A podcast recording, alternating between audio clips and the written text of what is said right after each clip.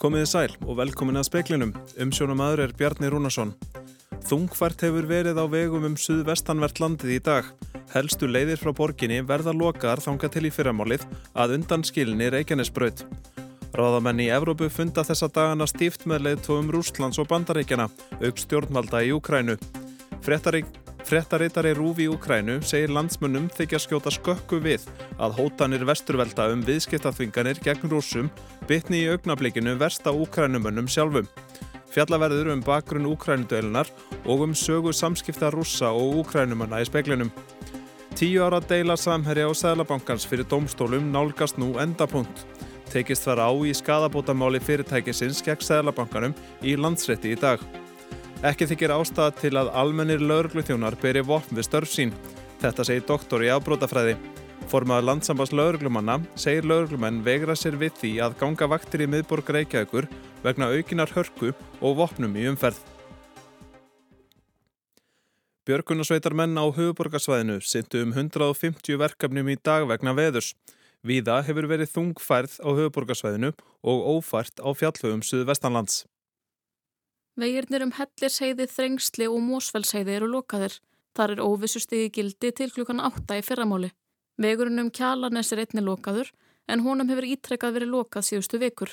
Guðni Ársæl Indriðarsson er formaður íbúa samtaka Kjalanes. Við náttúrulega bara býðum spennt eftir, eftir nýjum og góðum vesturlandsvegi og vonum það að vegagerðin sjá að sér og setja skjólbelti þess að það þarf að vera til að tekja áframhaldandi umfyrururiki. Já, það er, þeir geta ekki lesn málið með því að loka bara veginum í staði fyrir að hafa skjólbelti því að skjólbelti mögum koma í veg fyrir e, eins marga lokanar á veginu. Ég er alveg samferðið með það. Björgunarsveitar fólk býr sig undir að sinna verkefnum fram eftir kvöldi en gul veðru viðvörunir í gildi fyrir sunnan og vestanvertlandið en veðrið á að ganga niður suðvestanlands í nótt. Um 90 manns úr björgunarsveitum landsbergar hafa sint 150 verkefnum þar sem aðver degi. Oftast þurfti að losa bíla úr snjó á höfuborgarsvæðinu.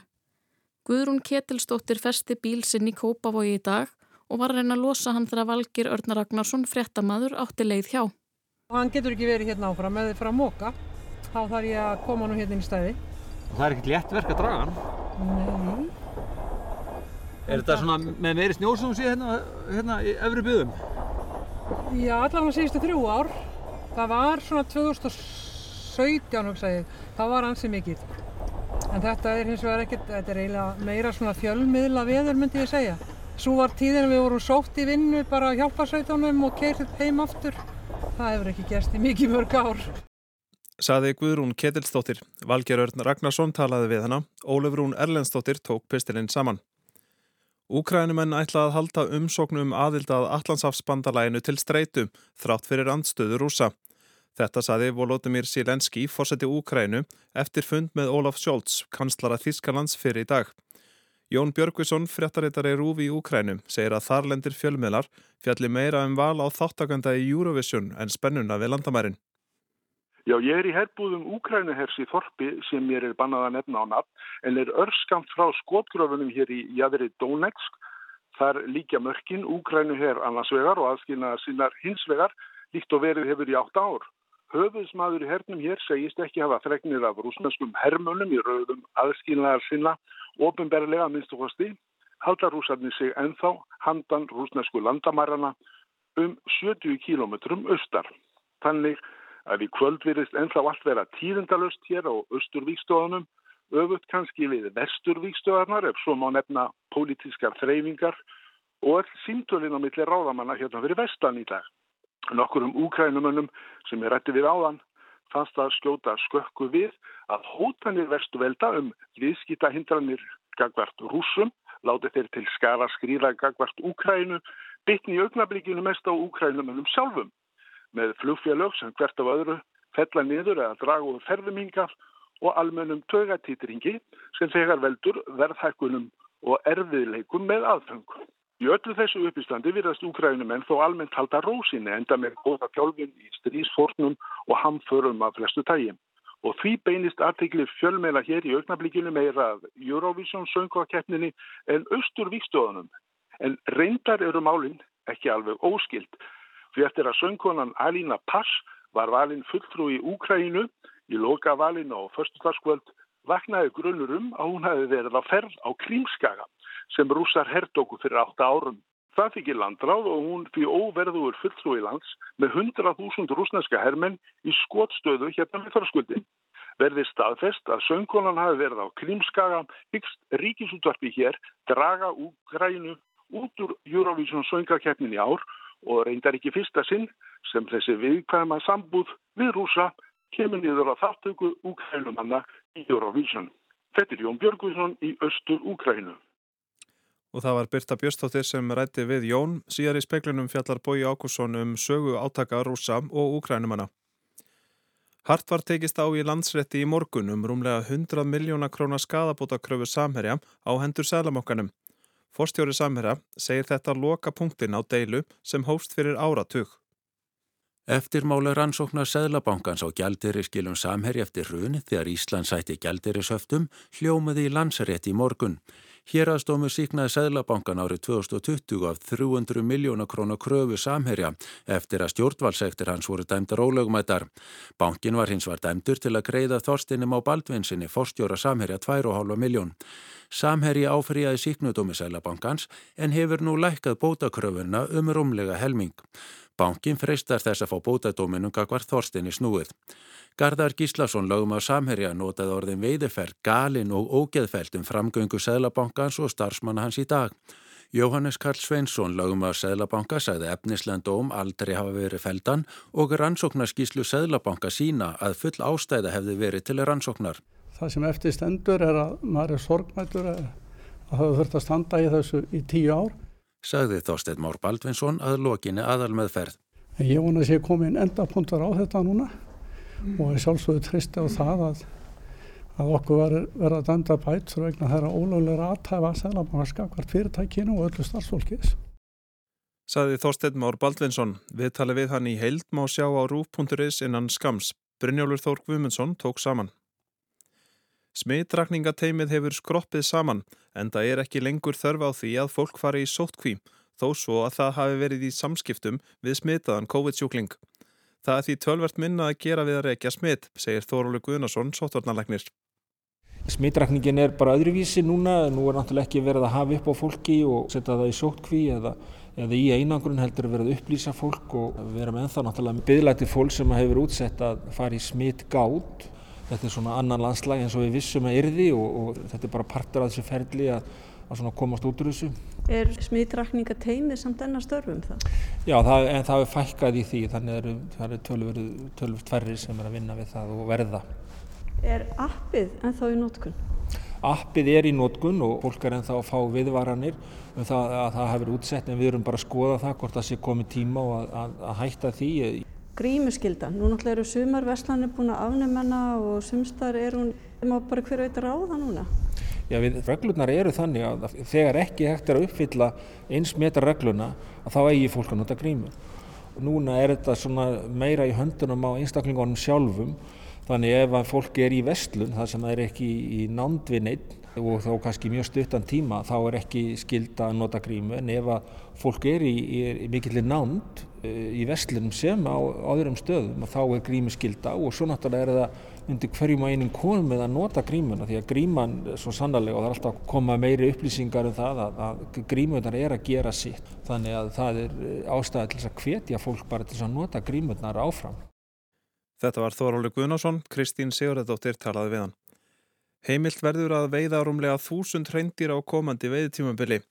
Formaður skotviði félags Íslands reiknar með að umsóknar fjöldi verði þrefaldur á við fjölda dýra. Guðlugur Þór Þórðarsson umhverfis orku og lofslagsráðara hefur ákveði veiði heimildir til reyndýraveiða fyrir árið 2022 að fengnum tillögum frá umhverfistofnun. Heimilt verður að veiða 1021 dýr en það eru tæplega 200 færri dýr en á síðasta ári. Áki Ármann Jónsson, formaður skotvís skotviði félags Íslands, segir að veiðimenn treysti kerfinu þeimdýra kvótin og hvernig hann ákvarður er besta viðstjónakerfi sem er við líði á Íslandi og vel í allir Evrópu. Þannig að við treystum fullkomlega þessum útlýningum. Þetta er mjög einstakt í Evrópu þannig að hérna á Íslandi er svo lítið á trjám að við getum tekið loftmyndir og tali dýrin bara nákvæmlega. Veistu hvað stofnin er, er stór? Hann hefur verið svona seiflast frá 4.000-5.000 dýrum upp í alveg 7.000-8.000.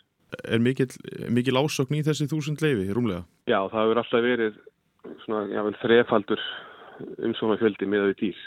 Þannig að þetta er hálgjörst lotteri fyrir veðmenn að fá dýr? Þetta er algjörð lotteri. Menn hafa sótt um jável fimm ári röðans að fá nokkuð dýr. Saði Áki Ármann Jónsson, Óðinsvann Óðinsson talaði við hann.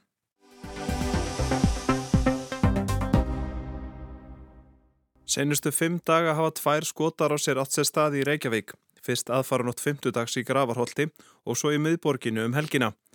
Frá því ársbyrjun 2021 hafa sex skotar á sér átt sér stað hér á landi. Speilin rætti í dag við Margreti Valdimarsdóttur, doktor í afbrótafræði og lektor í lauruglufræði við Háskólan á Akureyri. Hún segir að svo verðist sem skotar á sér sé að færast í vöxt hér á landi.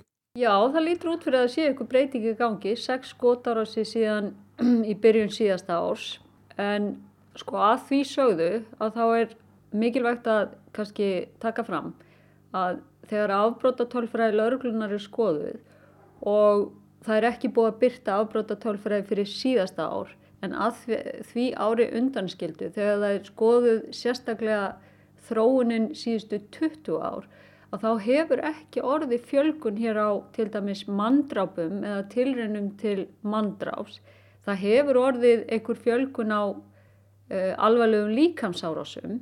Þannig að það er, sko, en hver skotárás eru þetta svo alvarleg, ekki bara það að það er litið á hverja skotárás sem tilröndi mandrás, en líka vegna þess að skotarási virðast hafa svona smitunar áhrif. Það er að segja ein skotarás kallar á aðra. Þetta er eitthvað sem er bara vel þekkt í afbrótafræðinni og getur kannski skýrst að því að, að menn hafa, sem er í þessum svo kallar undirheimi, hafa átt skotvopn til þess að nota til þess að ógna. Og þegar einhver fyrir að beita sínu skotvopnum að þá telur annar aðleysi líka þurfa að, geta, gera það til að, að beita samskonar ógn. Og svo eru þetta skotar á sér uh, stundum og ég veit ekki hvort að ég við í þessum tilfellum hér eins og síðustu skotarásum en þá er þetta líka hendraðgerðir og það hefur verið að sjá í nágrannlöndum þannig að hver skotarás er að þýleiti bara mikið áhyggjarni. En sko með sko, þessa bissuegn, er það eitthvað sem við hefum að, er það eitthvað breyting, er það eitthvað eðlisbreyting á uh, glæpum eða undirheimunum á Íslandi, þá held ég sko bissuegn hefur almennt ekki verið lítil á Íslandi. Hér hafa verið til dæmis bara mörg lögleg vopn eða margir löglegi riflar í, í eigu landsmanna sem hafa þá auðvitað verið notaði til veiðar. Og lauruglan hefur líka vitað að því að, að það eru, það hafa verið töluvertum bissur hérna hjá fólki sem stundar afbróð. Það sem við erum að sjá núna, allavega samkvæmt fréttum svona síðustu daga, er að við erum að tala um annars konar vopn, hálfgerða vélbissur og það eru auðvitað nýtt. Og svo er það líka auðvitað það nýja er að það er verið að beita þeim. Mm. Þannig að já, þetta er eitthvað sem að, að auðvitað við vonum að sé frávik, að þetta sé ykkur uppsveifla sem fari aftur niður og það er ekkit ólíklegt að svo sé. Það er ekkit endilega að hér sé um einhverja verulega breytingu í gangi sem sé ekki uh, hægt að breyta. Margret segir að menn verði sér út um vopn með ímsum hætti til að mynda með ólöglegum innflutningi og oftast næri gegnum netið. Afbrót séu alþjóðleg og viðskipti með vopn meðal glæbamanna lúti ekki öðrum lögmálum en verslun með til að mynda fíknefni. En hvað er til ráða að hennar mati? Þarf að herða skotvopnalaugjöfuna eða þurfa almennir lögluþjónar að vopnast? Ég held að það sé alveg tilefni til þess að taka því mjög alvarlega ef að þegar menn beita skotvotni og þá líta á hverja skotarás sem tilröndi mandráfs og, og þá líka einmitt að taka því alvarlega þegar menn eiga ólögleg skotvotn og, og hérna er að bera þau. En hvað varðar almenna vopnavæðingu lörglu á Íslandi að þá held ég, ég held ekki, þá er ég vissum að það er ekki tilefni til þess. Eh, hér er velþjálfuð sérsveit sem er auðvitað vopnuð og er þjálfuð til þess að bregðast við svona skotárásum og ef það er eitthvað sem við ættum að vera að gera til þess að þar að segja hvað var það löggæslu, að það má halda áfram að styrkja sérsveitina og jáfnvel greiningardeil ríkislauglustjóra sem getur þá farið í að skoða sérstaklega hvað er í gangi. En við viljum ekki sjá almenna laurugla á Íslandi byrja skotva eða byrja vopn eh, vegna þess að það getur haft bara alvarlegar afleðingar líka í sjálfu sér. Eh, til dæmis bara þá myndum við líklega sjá í kjölfarið svona aukin voðaskottlauruglu og, og slískott og, og, hérna, og þá má líka búast við því að almenningur sem hefur almennt borið mjög mikið tröst til lauruglunar í Íslandi að það sko viðhór til lauruglu fari þá að breytast, að það fara að draga á tröstinu, að það fara að mynda svona einhvers konar brú á milli almenna borgara og lauruglunar. Þannig að sko íslensku almenn laurugla á Íslandi hefur aðgang af vopnum ef hún þarf á þeim að halda. Það eru skotvopni í, í lauruglubílum hér en við viljum ekki sjá lauruglun á Íslandi ganga lengra, ekki að mínum mati. En er það að færast í vöxt að deilur á milli einstaklinga leiði til þess að menn grípi til vopna eða eru þetta átöku í undirheimum? Margret segi það einföldun að tala um átöku í undirheimum hér á landi. Skilin sé ekki skýr á milli undirheima og samfélagsins í held. Fólk sem er að stunda ábrott og, og hérna, er að stunda ólöglega viðskipti með fíknefni það tengist auðvitað samfélaginu líka vegna þess að bara það fólk á foreldra, það á sískinni, það á æskuvinni og vestlar í sömu búðum á við. Þannig að það, sko, þarna að þessu leiti að þá eru þetta ekki tveir aðskildir heima. En að öðru leiti líka að ef það eru skotar á sér að þá eru þetta hættan á að fólk sem er ekki að stunda afbrót, sem er ekki í þessu svokallu undirheimum verði fyrir skoti það auðvitað er alltaf svo hægt að fyrir hendi. En þessar árásir sem hafa verið fjallar um og hafa verið að eiga sér stað á síðustu dögum að þá er þetta á milli tengdra aðla, á milli hérna, aðla sem þekkjast. En eru þeir aðlar hluti af einhverjum undirheimum? Ég veit ekki, við veitum ekki nógu mikið um það ennþá. Stjórn landsambands lauruglumanna ætlar að funda í vikunni um viðbröð við skotarásunum, öryggi lauruglumanna og hvað sé til ráða. Fjölnir Sæmundsson, formaður sambandsins, segir að helsta lausnins fylgst í því að fjölga lögurglumönnum frekar en að almenni lögurgluþjónar beri vopna á mjöðum. Þá skorti lögurglumenn einnig þjálfun ef til þess kemur að þeir þurfi að grípa til vopna. Fjölnir segir ugg í lögurglumönnum vegna skotarásana. Já, ég held að lögurglumenn séu orðnir, orðnir frekar uggandi yfir þessari þróun og það hefur bara reynlega skal segja verið flótti úr þessum störfum að vera á göttinu og, og þau eru að vera í miðbænum. Ég hef heyrt það að, að, að lauruglumenn svona sækja svona ekki eftir því að þurfa að þurfa endilega að vera á þessum vöktum. Þannig að það er vissulega svona ótti í, í fólki sem, a, sem á, á fjölskyldur og veit bara andum lífsitt og helsu. Margret kennir lauruglufræði við háskólan á Akureyri. Hvernig leggst þróunin í lauruglumenn framtíðarinnar? Óttast þeir um örgi sitt í komandi starfi? Já, um, að einhverju leiti held ég að ég gera það en, en sko nefnundur í lauruglufræði hafa svipuð viðhorf til vopnavæðingar lauruglunar og almenni borgarar og, og hérna já já en, en auðvita þessi sérstaklega þessi hérna þessar árásir sem hafa komið upp á undanfjörnum árum þá auðvita að einhverju leiti. Hún segir rannsóknir ekki hafa sínt fram á að eðli glæpa breytist í kjölfar þess að almenn laurugla sé vopnuð Glæpir aukist ekki endilega við það?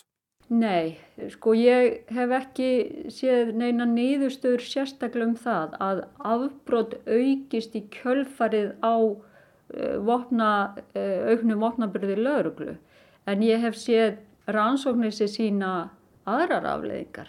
Við sjáum þá fleiri slis og, og, hérna, og svona versna, það má ég lega segja að það sé alveg líklegt að að vopnamæðing lauruglunar drægi úr góðum samskiptum af myndli borgaran og lauruglunar. En hvort að, að hérna, glæpur, glæpir í samfélaginu að þeir breytist eitthvað eða að þeir fari sérstaklega aukast, það held ég nú ekki. Ég hef allavega ekki séð neina vísbendingar um það inn ennur ansóknum að, að það leiði til þeirra breytinga. Þannig að kemur alltaf upp þessu umræða þegar að koma upp svona tilvik þar sem eru skotar á sér um, um vopnaburlauruglunar. Og þá spyrir maður sig hvað liggur svona þröskuldurinn fyrir því að hér verði, verði vopnur laurugla og eru við komin þangað eða er langt í það? við erum ekki komið ánga og, hérna, og ég held að sé langt í það. En líka sko það eru ótal samfélög í kringum okkur sem, þar sem eru framinn miklu fleiri afbrott og, og alvegleiri afbrott heldur en hér er gert og þar er lauruglan hérna, ekki með skotvotn eða ekki, ber ekki votn og það, þrátt fyrir að við séum þetta eru margar skotárásir á stuttum tíma. Og þess vegna auðvitað skiljalegt að fólk hafi ágjur en það er samt þannig að við búum í örugu samfélagi svona almennt. Og, og það er ekkert tílefni til þess núna að fara að vopnavæða laurugluna hér á Íslandi.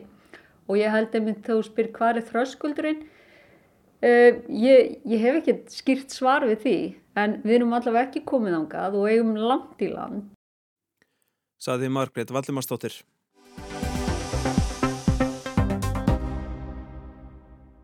Eins og framkom fyrir speklunum er enn mikil spenna á landamærum Úkrænu. Bói Ákusson fjallar um bakgrunn Úkrænudeilunar og fjallar um sögu samskipta rúsa og úkrænumanna. Hefðbundin rúsnesk og sovjask utanríkis og varnamálastefna hefur verið að tryggja að ekki er því ráðust á Rúsland og vestri. Segjum á að stöðu útþensla hafi ríkt öldum saman í því skyni að ná yfirráðum í grannlöndum Rúslands í vestri. Ívan Grimmi rúsakeisari herjaði í Ístrasalsríkjónum á 16. öld, Pétur Mikli á öndverðri 18. öld, batt endi á áhrif Svíja í Ístrasalsríkjónum og á þeirri 19. varð Finnland einnig hluti rúsneska keisaraveldisins. Eftir síðari heimstyrjöldina lögðu Sovjetríkin undir sig öll lönd sem þau hefðu frelsað undan nazistum og komu á kommunistastjórnum vinnveittum Moskvuvaldinu og byggu til Varsjárbandalagið sem svar við Atlasasbandalaginu. Rúsa svifust einskist til þess að tryggja yfiráð sín.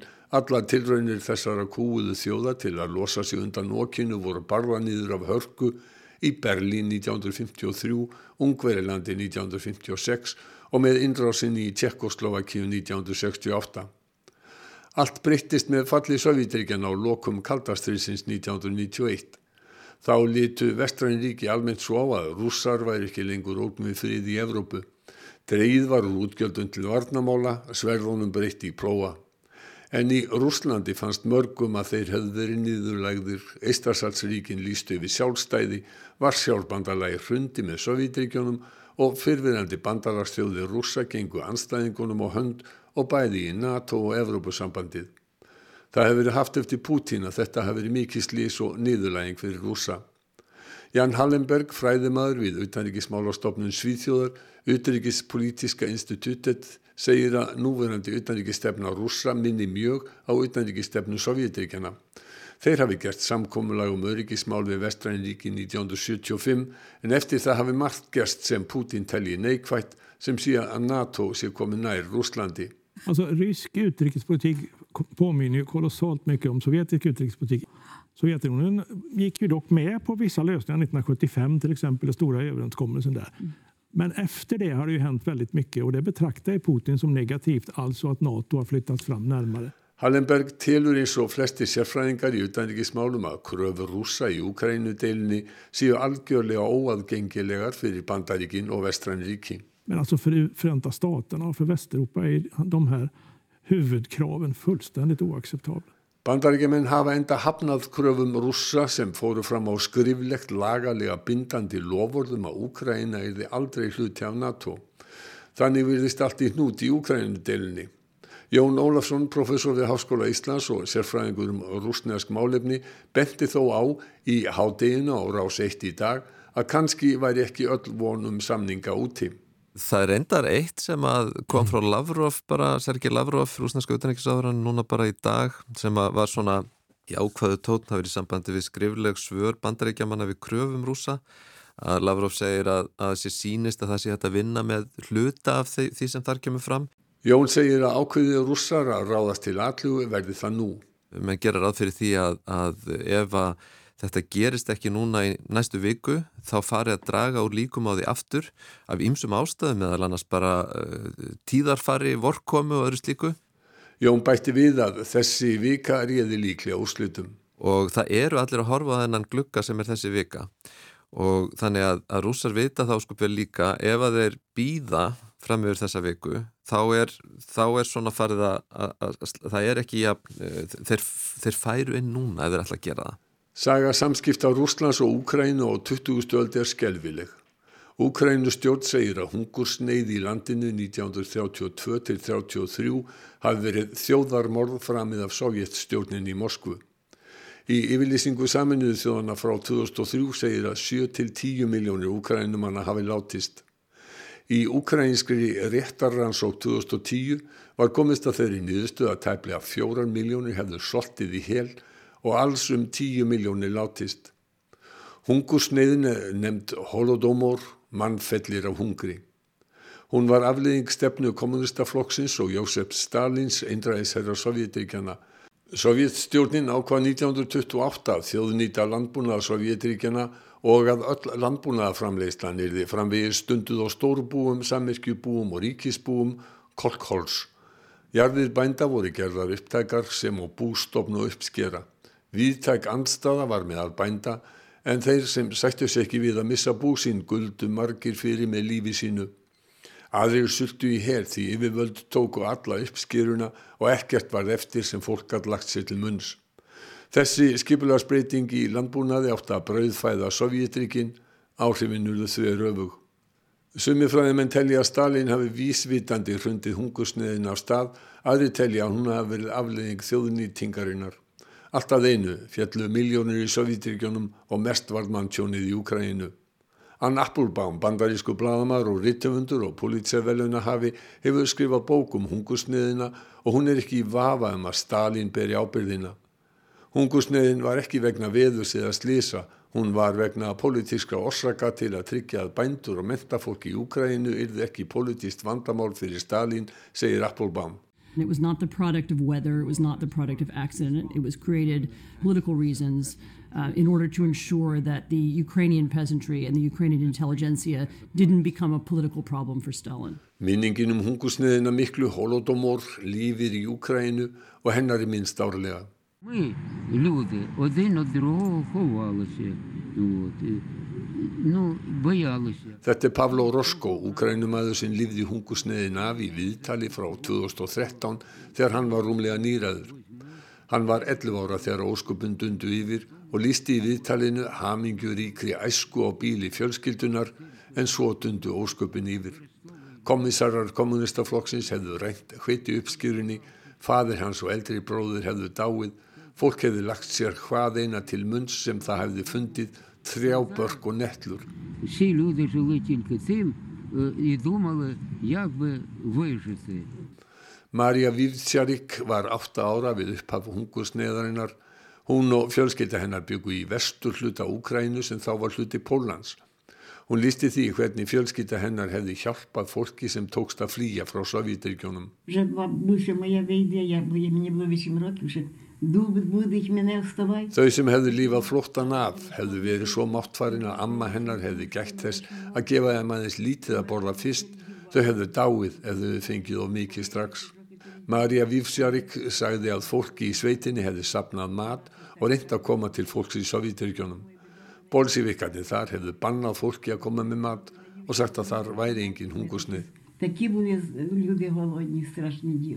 Sovjetstjórnin neytaði að hungusneið hefði verið í Ukraínu 1932-3, allt umtalum hana var bannað.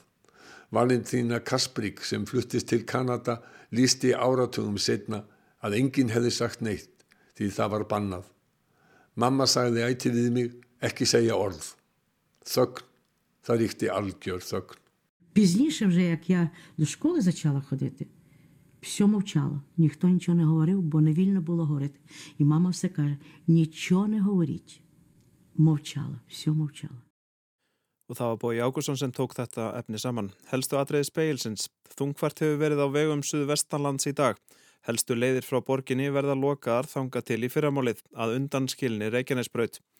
Ráðamenn í Evrópu funda þessa dagana stíft með leiðtúum Rúslands og Bandareikjana, auk stjórnvalda í Úkrænu. Frettaréttar í Rúf í Úkrænu segir landsmönnum þykja skjóta skökku við að hótanir vesturvelda um viðskiptaþinganir gegn rúsum bitni í augnablikinu versta Úkrænumönnum sjálfum. Tíu ára deila samherja á Sælabankans fyrir domstólum nálgast nú endapunkt. Tekist þar á í skadabótamáli fyrirtækisins gegn Sæðlabankanum í landsrétti í dag. Fleira er ekki í speklinum. Tæknimaður var Mark Eldredd. Verðið sæl.